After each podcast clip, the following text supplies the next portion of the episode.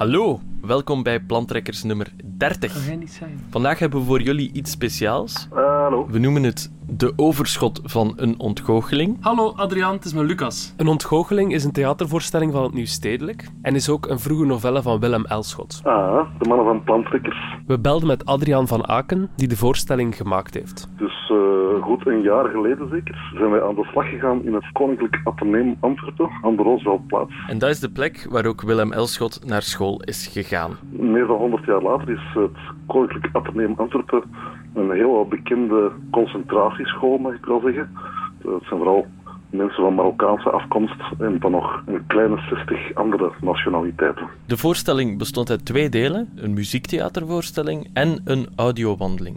En voor die audiowandeling heeft Adriaan samen met Sarah Vertongen en Lucas de Rijken, u misschien bekend, de leerlingen betrokken in de audiovoorstelling. We hebben de novelle mee gelezen. Een boekje dat gaat over verwachtingen van ouders naar kinderen toe en wat die verwachtingen al dan niet met die kinderen aanvangen. Over die verwachtingen werden de leerlingen geïnterviewd en die interviews heeft Adriaan omgezet in een tekst. Dus ze hebben ook hun eigen teksten of teksten van anderen opnieuw ingesproken voor de microfoon. En dat materiaal is gebruikt om vier audiowandelingen te maken door de school. En die audiowandelingen kon het publiek dan wandelen voorafgaand aan de voorstelling. Dus wij stellen u voor de overschot van een ontgoocheling. Veel luisterplezier. Dag.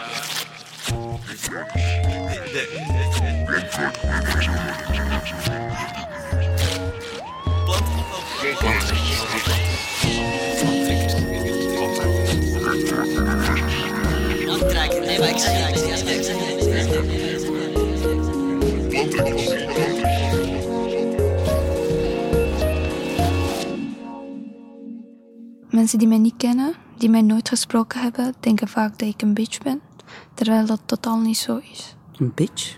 En enig idee waarom? Omdat ik altijd boos kijk, maar ik heb dat zelf niet door. Juist, ja. De bitchy, bitchy resting, face. Ja. Je, hebt dus, je hebt dus een bitchy resting face. Maar je bent geen bitch. Ik denk dat iedere meisje soms een bitch kan zijn. Mijn moeder zegt vaak, ik heb echt medelijden met je man, later. Die gaat het nooit met jou volhouden.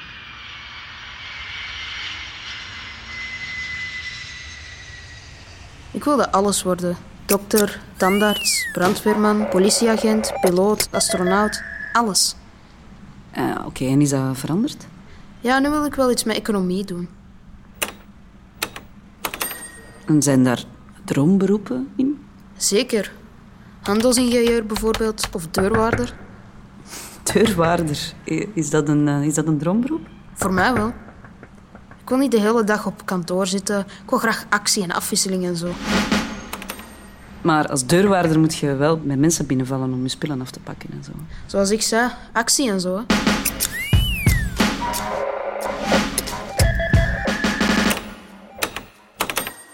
De meeste leerlingen voelden zich eigenlijk echt goed op die school.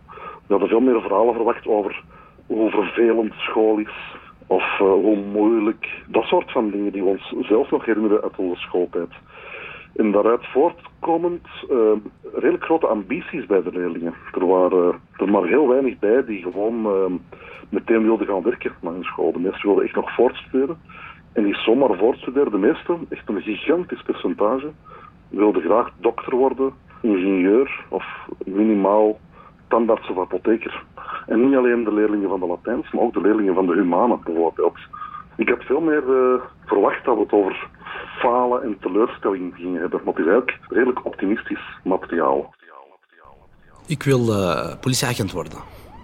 Echt? Ja, serieus. Een neef van mij is dat en dat lijkt me toch wel interessant. En waarom?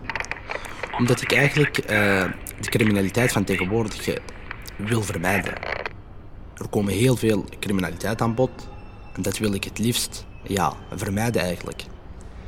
En het lijkt me toch heel aangenaam om te zien hoe de echte wereld in elkaar zit en zo. En is dat al van kindsbeen af? Ja. Als ik zo politieagenten zie langs rijden, ik vind dat heel aangenaam. Hoe ze alles doen en zo, met teamwork. En ben je al zelf eens in contact geweest met de politie? Ja, toch wel. Paspoortcontroles en zo. Je wordt dan aangehouden op straat en uitgehoord. En een keertje mocht ik mee met de combi naar het bureau. En daar zag ik eh, ja, hoe dat allemaal in elkaar zit en zo. En je hebt daar een goede indruk aan overgehouden. Ja, toch wel. Want ah, er zijn ook veel klachten over de politie. Hè? Ja, dat klopt. Over racisme heb ik eens gehoord. Ze hebben best hoge ambities qua job die ze willen doen, maar niet qua het leven dat ze willen leiden. Ze hebben niet een droom van ah, een groot huis met een zwembad. Ze willen vooral een normaal leven. Dus morgens opstaan, ontbijten, naar je werk gaan, s'avonds thuiskomen, tv kijken en gaan slapen. Dat soort leven, daar dromen ze van. Een zo normaal mogelijk leven. Ik wil stewardess worden. Waarom? Omdat ik het leuk vind, zeg maar, om in vliegtuigen te zijn.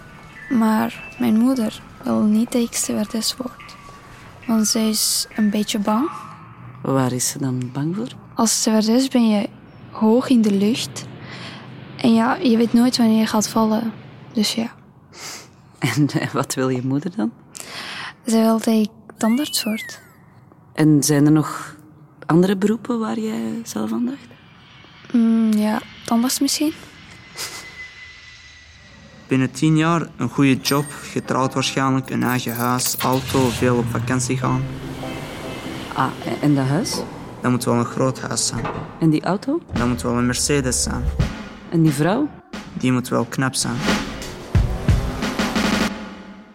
En jij?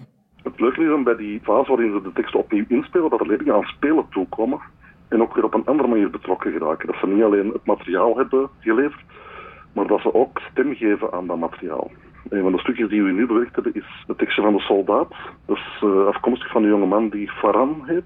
Een heel opvallende leerling die heel veel respect genoot van zijn medeleerlingen. Uh, vijfde jaar humane, als ik me niet vergis.